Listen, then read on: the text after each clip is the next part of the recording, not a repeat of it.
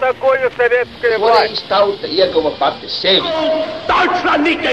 Liktenīgas nejaušības un slēptas likumsakarības, subjektīvas patiesības un objektīvi aizspriedumi. Pēc atkušņa nekad nenāk uzreiz pavasars, bet sākās Arī šodien cilvēki ir ļoti tuvredzīgi. Viņi redz to naudu, kas ir. Televīzijā jau pamatā notiek cīņa par varu. Pagātne no šodienas skatu punkta un šodienas caur pagātnes prizmu. Raidījumā šīs dienas acīm. Katru svētdienu Latvijas radio eterā Eduards Liniņš. Labdien, cienījamie klausītāji! 1935. gada 18. novembris valsts svētki ir diena, kad Rīgas centrā toreizējais valsts prezidents Alberts Kviesis atklāja brīvības pieminekli. Mana sarunbiedra šodien studijā - mākslas zinātniece Ruta Čaupova. Labdien! Labdien! Doma par to, ka Rīgas centrā vai kur citur Rīgā vai Latvijā vajadzētu tapt kādam piemineklim, kas apliecinātu Latvijas valstiskuma tapšanu, rodas jau visai drīz pēc neatkarības kara. Tātad jau 1922. gads laikam ir tas laiks, kad šāda doma parādās valdības aprindās un arī sabiedrībā, acīm redzot. Un tad sākas visai ilgstošs un sarežģīts process, kas ilgst līdz pat 1930. gadam, kad galu galā tiek apstiprināts brīvības pieminekļa projekts, Kārļa zāles veidots monuments. Mums vajadzētu sākt ar to, kāpēc šis process ir tik ilgs, Jā, mēs varētu sākt ar pašu sākumu, jo pieminekļa lietā šī pieminekļa visa celšanas procedūra un arī viss norisinājās pirmkārt valsts prezidenta tiešā pāraudzībā un valsts prezidenta sekretariātā arī visa dokumentācija krājās par visām šīm lietām.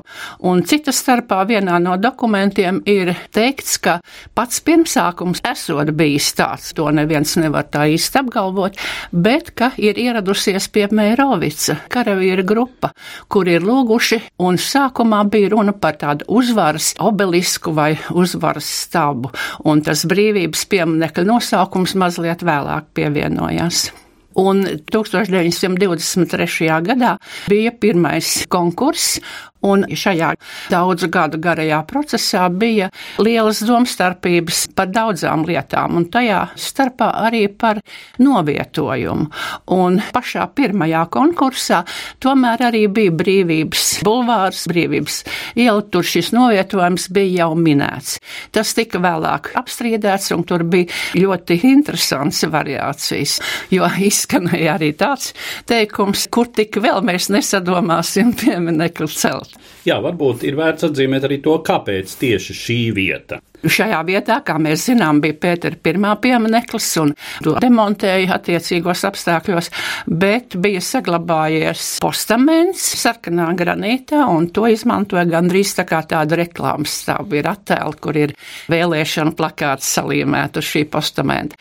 Un tad pavīdē ar tādu interesantu ideju, ka varētu to postamentu izmantot, jo jāatzīmē, ka tik tiešām tas viss notika lielā taupības režīmā valstī. Tur jau krīzes situācija vēlāk stājās spēkā.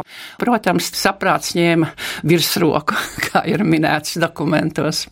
Ar šodienas skatu vērtējot un lasot tos faktus, kā tad šie konkursi vairāk kārtēji notika, rodas sajūta, ka vismaz sākotnēji ir pārāk liela politiķu darbošanās ap šo procesu un pārāk maz mākslas un uh, tēlniecības un pilsētu plānošanas būvniecības ekspertu klātbūtne. Ziniet, nu tā gluži nav, jo vispirms pašā sākuma posmā tiek uzaicināti ļoti plašas sabiedrības slāņi.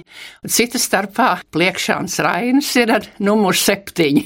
Viņš ir septītā persona, kas tiek pieaicināts. Tad ir Vilkāms Purvīts no Mākslas akadēmijas puses un vēl ir vesela rinda, ir sieviešu līga un ir pat no Latgales pārstāvji un ir ebreju kopienas pārstāvs, var sakot, plaši sabiedrības stāņi tiek pieaicināti. Un gandrīz vienlaicīgi tiek pieaicināti arī 14 tajā laikā pazīstamākie tēlnieki. Nu, protams, arī Kārlis Zāle un Emīls Melders un Marta Skulme, arī Rihards Maurs un Žanis Smiltnieks, kurš vēlāk Meirovics pieminekli cēla mežkapos. Un tā tas viss norisinājās. Tā ka tas sākums bija ar tāda diezgan demokrātiska izvērsumu, es gribētu teikt. Un vēlāk, kur radās šīs pretešķības, tur ir diezgan niansēti jāskatās. Un vēlāk jau tautu zināmā mērā uzbudināja profesionāļu dažādas vēstules, un tās lielā mērā nāca no arhitektu biedrības puses. Sākums bija tā puslīdz mierīgs. 24. gada konkursā, kad iesniedz projektus, tad Marta Skulme ar savu lačplēša veidolu, kas bija uz tādas konstruktīvi veidotas pamatnes pasniegts, ieguva dalītu godalgu ar Kārli Zāli. Un Kārlim Zālem šajā posmā bija pilnīgi citādāks. Priekšlikums viņam bija tādi tā kā vārti. Zināmā mērā viņš bija izmantojis no brāļu kapu motīviem, karavīri ar karogiem un cīnītāji. Nu, varbūt rēķinoties ar to, ka tajā laikā šis uzvaras motīvs ir un karavīru ierosinājums, un tas it kā loģiski varēja turpināties, bet tā novietne nebija veiksmīga, un neviena no projektiem tālāk arī nevirzīja un neatbalstīja. Un tad bija zināms pierimums līdz 28 gadam. Un dīvainā kārtā 1928. gadā tad arī sākās tās lielās diskusijas un Augusts Raisters, kas bija arhitektu biedrības priekšsēdētājs tajā laikā, viņam bija vairāki pat raksti, kur pirmkārt viņš iebilda principā pret skulptūrālu pieminekli. Mums nav pārliecības, ka mēs varam dabūt šajos konkursos liela stila tēlniecības pieminekli, skulptūrālu monumentu. Otrkārt, vieta uz brīvības bulvāra ir nepiemērotu. Protams, arī viņš iebilda pret to, ka pa valsts līdzekļiem, ka tas būtu jāveido tautas saziedojumu ceļā. Redziet, te tāda nianse. Visi jau gribēja. Un varbūt bija arī zinām pretestība pret zāli, jo viņš bija uzvarētājs. Un viņiem rodās apskaudēji un dažādi nelabvēļi diezgan plašā lokā. Arī jautājums par biblioteku starp citu ieskanās. Un parādās arī nosaukums gaismas pils. Brīvības pieminekļa lietā vairāk kārt atkārtojas jēdziens gaismas pils. Šajā procesā bija, kā jūs jau minējāt, personiski motīvi, kāpēc tas brīžiem virzījās sarežģīti, grupu attiecības un tā tālāk. Bet tas, kas varbūt ir visinteresantāk, vai mēs šai procesā redzam tā laika estētisku principu sadursmes, izšķiršanos par to vai citu stilistisko, māksliniecisko veidu. Jā, jā, tieši tā, pret skulptūrāliem tēliem, un arī kāds Adolfs Vitskovs plašu rakstu publicē, kur viņš ļoti skaidri saka, ka tas laikmets, kad kādus kailus, varoņus vai dzīvniekus attēloja kustoņus, kā viņš raksta, ka tas laiks ir pagājis, ka arī tie, kas šādus monumentus cēla un jutās kā tādi olimpa varoņi, ka tas arī ir pilnīgi pagājis un ka tagad tehnikas sasniegumi pieļauj veidot tādas ļoti fundamentālas un interesantas celtnes, un it kā arī šis akcents jāpārvirz ir uz arhitektūru, un arī vēl tas prakticisms uz kādām praktiskām, vērtīgām celtnēm. Un 30. gadā sākās laikrakstā Latvijas aptauja, un tad gan vairākos turpinājumos šajā laikrakstā parādījās jau tautas balss. Un atkal bija visu laiku tādas pretrunas, kad komisija apsprieda tad atkal teica, lauku cilvēki ir par ideisku pieminekli, bez šī praktiskā. Bet, kad notika šī aptauja, tad nāca daudzas vēstules uz laika rakstu Latvijas.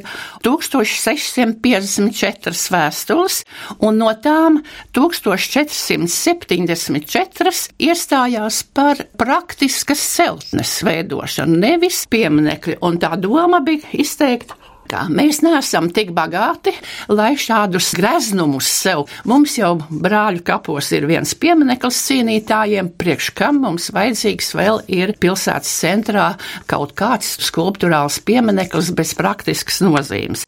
Un tādēļ iestājās par ideisku pieminekli tikai 170 cilvēki. Un viena no populārākajām idejām bija tiltu pār Daugavu, kur nu tad viss apvienotos.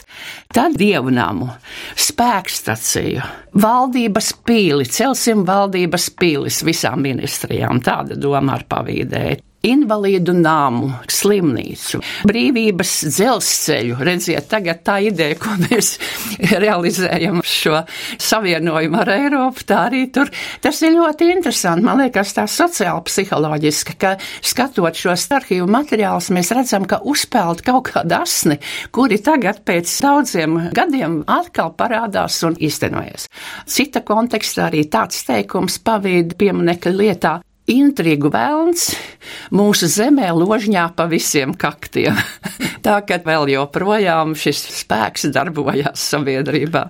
Šodien mēs varam redzēt, var teikt, ikdienas un novērtēt Kārļa zāles ieceri, bet Varbūt bija vēl kādas citas spilgtas, interesantas idejas. Jūs jau piesaucāt Martas Skulmes lāčplēša tēlu, kas šai izvēles procesā parādījās. Nu, protams, piedalījās izcili meistari, un pēdējā 1930. gada konkursā trīs projekti iegūta tāda īpaša ievērība, jo bija arī palvas diezgan lielas summas. Kāras zāle ieguva pirmo vietu un realizācijas tiesības, un otrā vieta tika Teodoram Zaļkalnam, un trešā priekšā Kārlim Zemdagam ar ļoti interesantu projektu ar koklētāju stēlu, jo Kārlis Zemdags pieminekļi arī bija ļoti poētiski. Viņam tiešām sievietes tautumeitas tēli un, un jauniešu tēli parādījās.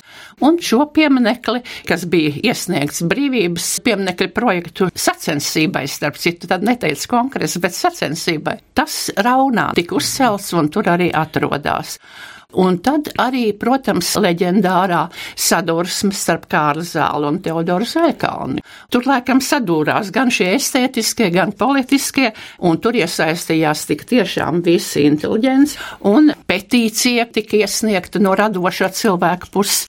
Parakstīja Konrāds Ubāns un Valdemars Stone un Viktors Seglīts un Leos Vemps un Ģedars Elijas un Elza Stērsta, arī Ēriks Ādamsons un Mirdza Ķempe tiešām tiešām diezgan ievērojami cilvēki aizstāvēja Teodora Zaļkalna projektu. Piemēram, Eduards Virza, brīvības pieminekļa komiteja piesaistīja trīs rakstniekus - Kāra Skalbu, Jānā Kurāteru un Eduarda Virzu.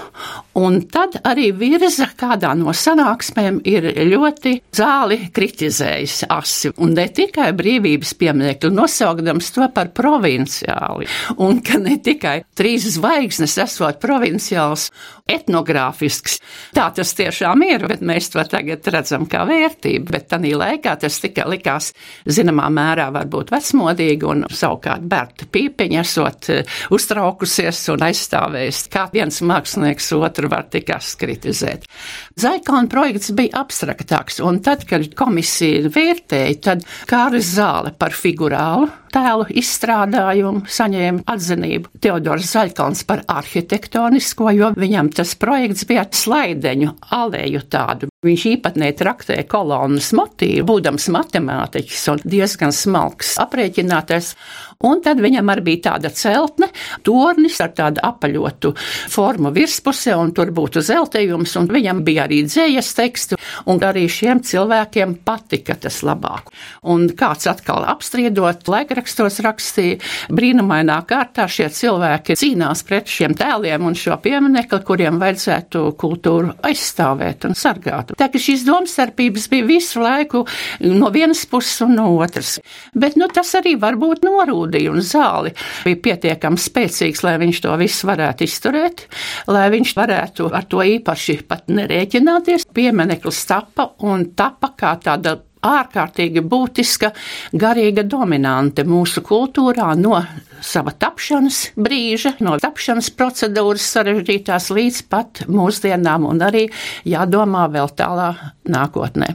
Ja jau mēs runājam par to, provinciāls vai nē, savam laikam moderns vai nē, vai ir kādi līdzīgi monumentālās tēlniecības paraugi citur Eiropā un pasaulē, ar kuriem mēs varētu salīdzināt un tad šai kontekstā ielikt Kārļa zāles veikumu? Nu, jau šajā pieminiekta lietā parādās interesanti salīdzinājumi, piemēram, ka nevajag šos figurālos pieminekļus, ka, piemēram, Stratfordā esot izveidot Šekspīram dārs ar tiem augiem, kurus viņš ir minējis savos darbos, vai ir arī brīvības statuja minēta, bet pieminekļi tāda diezgan komplicēta problēma jau kopš pašiem pirmsākumiem.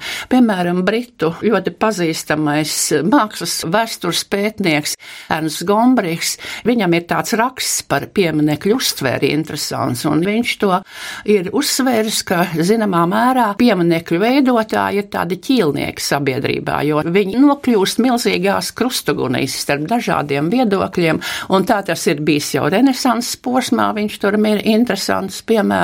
Un vēl ir tāda īpašība pieminekļu uztverē ļoti interesanta, ka piemineklis tiek uzlādēts ar kaut kādu enerģiju. Cilvēki to uztverot, piešķir tam kaut kādu īpašu nozīmi. Un Gombriks min divus piemērus. Viņš min Kopenhāgenes slaveno nāriņu. Necils pavisam vienkārši gandrīz tāda tajā laikā nezināma tēlnieka veidojums, un arī tā novietots straumes malā, un ir kļuvis piešām par tādu nacionālu simbolu. Un otrs ir amerikāņu brīvības piemineklis, kur varbūt zinām līdzību, tur arī sievietes statuja ir. Bet tas arī kā tāds mākslas darbs nav šedevrs pats par sevi. Un kad to Amerikai attiecīgā gadskārtā uzdāvināja, tad īsti visi tā nu nebija pārāk sajūsmināti par to. Bet tagad stāvēdams tā, ka tas ir novietots tā, ka gan arī visi, kas iebrauc Amerikā, var to skatīt. Atkal tas ir guvis tādu īpašu uzlādējumu un jau mēs to pieņemam kā vispārīgu vērtību. Mēs runājam par Kārļa zāles devumu, bet jāatzīmē jau, ka brīvības pieminiekļa sakrā ir jāmin vēl vismaz viens ļoti nozīmīgs vārds, un tas ir Ernests Štalbergs. Jā, ir jāmin vēl, es teiktu, divi nozīmīgi vārdi.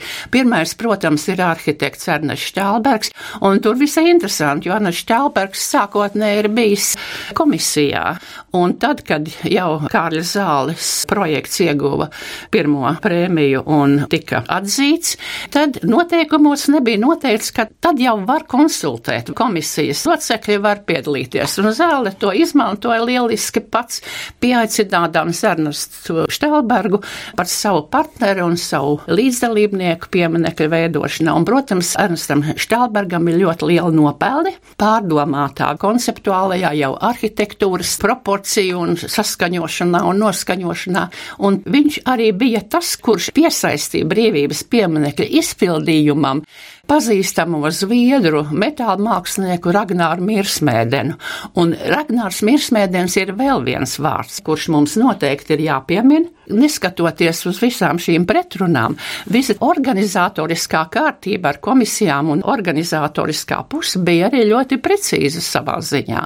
Un Ernests Štālbergs saņēma komandējumu braukt gan uz Vāciju, gan uz Zviedriju, meklēt kādu metāla kalēju, kurš varētu izkalt pieminekļu, jo sākumā bija par bronzu doma, ka tas būtu bronzā, bet tas būtu smagnējs, ļoti dārgs un 9 metru augstumā. Tie būtu milzīgi gan izdevumi, gan arī kaut kādā mērā tik augsti pacelts.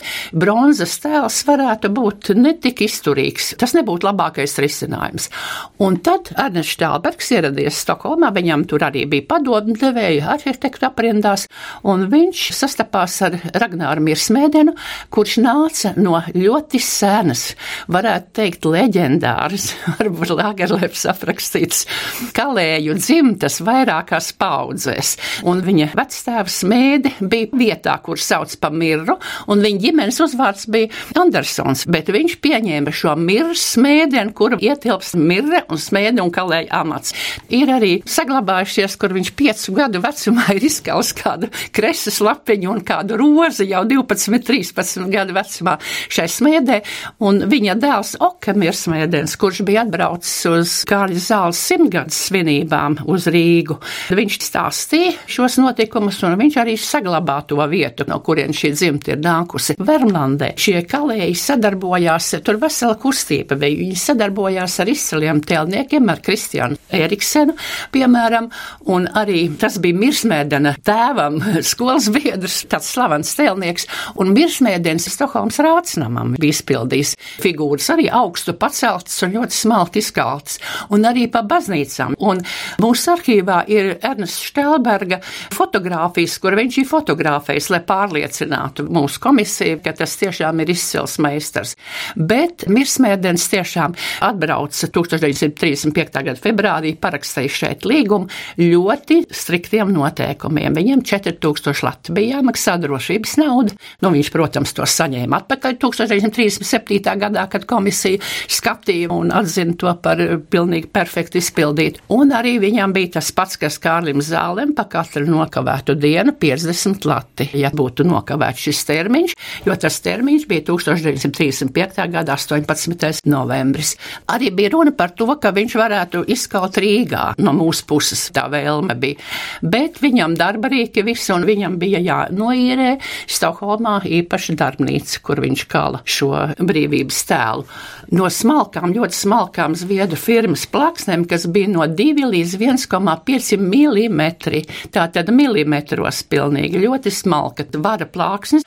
Un arī vēl tāda ļoti interesanta un svarīga epizode ir tā, ka Mirsmēdens, kurš patiešām bija ļoti labdabīgs un ļoti sirsnīgs arī un atsaucīgs cilvēks, viņš uzaicināja divus latviešu jaunus metāla māksliniekus, proti Jāni Zibeni un Arnoldu Naiki, un viņi brauc uz Stokholmu, uzturējās tur tādā mirsmēdena paspārnē, un viņiem bija iespēja mācīties, un arī viņiem bija dots goda pienākums izkalt divas no zvaigznēm, kuras brīvības statuja tur rokās.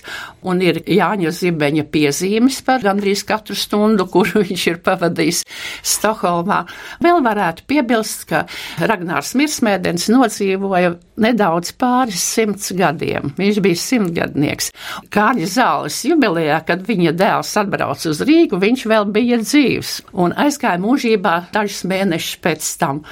Un visu mūžu viņš ļoti lepojās ar to, ka viņš ir bijis līdzdalīgs tāda svarīga tēla kā brīvības pieminekļa izkalšanā un arī Jāsaka, Zviedru presa tajā laikā stipri daudz rakstīja. Man mirsmēdienas dēls ir atsūtījis šos materiālus, arī bija diezgan daudz rakstu par to, ka, lūk, šī skaistā sadarbība starp Latviju un Zviedriju. Tad, kad piemineklis ir atklāts, kāda tad ir sabiedrības un arī profesionāļu reakciju. Pēc tam jau priecājās, ka ir tomēr tāds liels darbs padarīts. Vēl ir jāuzsver tāda Kārļa zāles kā mākslinieka īpašība. Viņš izjuta, ka tie monumenti, kurus viņš veido, ka tiem ir svētvietas nozīme. Tās ir tiešām svētvietas. Brīvības piemineklis ir kā tāds altārs Rīgā, kur ar koriem, ar to mēs tādos svinīgos notikumos varam gandrīz tādu kā tiešām svētvietas sajūtu veidot. Otra vieta arī brāļu kapi. Atkal tā ir tā kā tāda brīvdabas katedrāle. Un Vēl ir jāuzsver tas, ka tas nebūtu iespējams, ja Kārs Zāle nebūtu izjutis to, ka, piemēram, brīvības tēls, mātes Latvijas tēls, turpat nedaudz mazliet zemāk, tie ir ikoniski tēli būtībā. Viņi uzrunā tādā frontālā tiešamībā ar garīgu piepildījumu, ar tādu lielu garīgu pacēlumu. Un es domāju, ka tas ir savā ziņā ģeniāli, kad ir šī vertikālā dominante. Savā laikā Imants Ziedonis to arī uzsvēra savā skatījumā.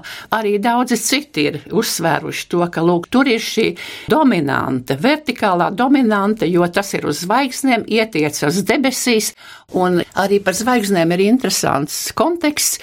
Tā ziņā, ka Kārlis Zāle pats ir teicis, tās ir brīvības zvaigznes. Tās ir augstākās idejas, jeb augstākās virsotnes, kuras mēs varam sasniegt un uz kurām mēs tiecamies. Brīvības piemineklis, kāds tas tappa, kāds tas ir, patiešām ir tāds nacionālo simbolu, motīvu, varētu teikt, katalogs. Koncentrāts, es teiktu. Un droši vien, ja mēs vērtējam to, kāds tālāk bija nācijas liktenis, tad okupācijas periodā visdrīzāk abstraktāks veidojums nebūtu funkcionējis ar to iespaidu, atgādinošo un līdz ar to pacilājošo nozīmi, kāda bija brīvības piemineklim. Tais laikos, kad bieži vien tur teju vai klāt nedrīkstēja pieiet. Starp citu, runājot par okupācijas laiku, ir leģenda, var teikt, par projektiem pieminekli likvidēt, un tēlnieces Veras Muhinas iespējamo lomu pieminekļa glābšanā, vai ir kādi dokumentāli vai varbūt atmiņu stāsti, kas tiešām apliecina šādus notikumus? ļoti pretrunīgi un, varētu teikt, tā divējāda visa tā situācija, acīm redzot, ir bijusi. Jo pavīd tāda ziņa publikācijās, ka sākotnēji jau 50. gadu sākumā Maskavas tie, kas kārtoja pieminekļu jautājumus, tur viss bija centralizēti un no Maskavas puses nāca šie priekšlikumi iekļaut vissavienības vērtīgo pieminekļu sarakstā, brīvības pieminekli. Bet tieši no vietējiem bija tas, ka nē, tā bija arī zināma atbildības uzņemšanās tādā gadījumā. Tātad tas tika apturēts. Vera Muhina tiešām ieradās Latvijā, tad, kad Kurzemē vēl kaujas norisinājās. Ieradās Muhina, bet ieradās vispār no PSRS Mākslinieku savienības delegācija. Viņa apciemoja darbnīcās māksliniekus, arī Teodoru Zēkalnu un Martu Skulmi, un iespējams, ka bija sarunas, bet arhitekts Vaidelots Sapsīts, kurš uzrakstīja pamatīgo monogrāfiju pa Kārli Zāli un arī pētīja to speciāli, viņš pat ir rakstījis uz Maskavas arhīviem, un viņam ir atbildēts, ka brīvības piemineklis tur tajos materiālos nav minēts. Bet savukārt Vaidlots apsīts ir rakstījis arī par to, ka viņam bija tikšanās un sarunas ar Muhinas dēlu. Starp citu, Vera Muhina bija dzimusi vienā gadā ar Kārlu Zāli izrādās. Un Rīgā bagātā un rīdzinieku tirgotāja ģimenē. Un viņas dēls tā tad gan ir to tā apgalvojis un pēc mātes stāstījumiem it kā minēts, ka viņai sarunas ir bijušas Tā ka tomēr arī dēls ir to apstiprinājis, ka tā varētu būt. Bet tie ir tādi mutvārdu apstiprinājumi. Runājot par brāļu kapu ansambli, un uh, nesen arī notika konference, kur man bija tas gods pieteikt programmu, un jūs arī uzstājāties ar priekšlasījumu, un tur mēs dzirdējām konkrētus motīvus par to, kā brāļu kapu ansamblis ir ietekmējis līdzīgu kapu ansambļu veidošanas kultūru ne tikai Latvijā, bet arī ārpus Latvijas. Vai mēs varam runāt par brīvības pieminekļa un Kārļa zāles ietekmi uz šādu monumentālās tēlniecības attīstību, nu vismaz Latvijā? Tēlnieki tajā laikā tie, kas iesaistījās Latvijas eh, monumentālās tēlniecības attīstības procesā, kā Kārlis Zemdega, kā Kārlis Jansons, kā Emils Melders, šie tēlnieki bija stipri patstāvīgi. Viņi bija ar savu tādu jau stāju un ar savu dzīves izjūtu tādu spēcīgu, un es neteiktu, brāļu kapa ansambls ietekmēja tāpēc lielākā mērā, ka aktuāls visā Eiropā bija šis pirmkārt militāro kapsētu un apbedījumu noformējums un ansamblis saistība ar dabu, daba, arhitektūra un telniecība. Un tas interesē daudzus, un līdz ar to es varu pilnīgi apliecināt, ka tik tiešām Joģenis Vučētičs veidodams Berlīnas lielo monumentu pilnīgi personīgi es saņēmu apliecinājumus pat no viņa ģimenes locekļiem, ka viņš ir skatījies un ka tā ietekme ir bijusi pat ļoti tieša. Bet pa brīvības pieminekli es kaut kur atradu tādu, ka Japāņi esot Neskatoties uz dažādām domstarpībām, tomēr tas tehniskais izpildījums bija ļoti, ļoti pamatīgs un precīzs, un visa materiāla izvēle, materiālu saskaņojums un arī visi aprēķini tehniskie, kad it kā Japāņi esot par šo tehnisko pusi interesējušies. Un starp citu pieminekļu lietā pavīt tāda ziņa, Amerikā par zāli interesējas, bet tur bez tālākiem komentāriem. Visa tā tematika un grupu veidojumi tomēr nes sevī tik ļoti tādu latvisku un mūsu mitoloģijā balstītu tematiku, kā arī Jānis Siliņš, kurš uzrakstīja pirmo monogrāfiju pa Kārli Zāli 1938. gadā. Nu, viņš vēlāk emigrācijā bija un arī vēl joprojām rakstīja un arī atbrauc uz Latviju šeit un ar Vaidlot apsīt sastapās un runājās.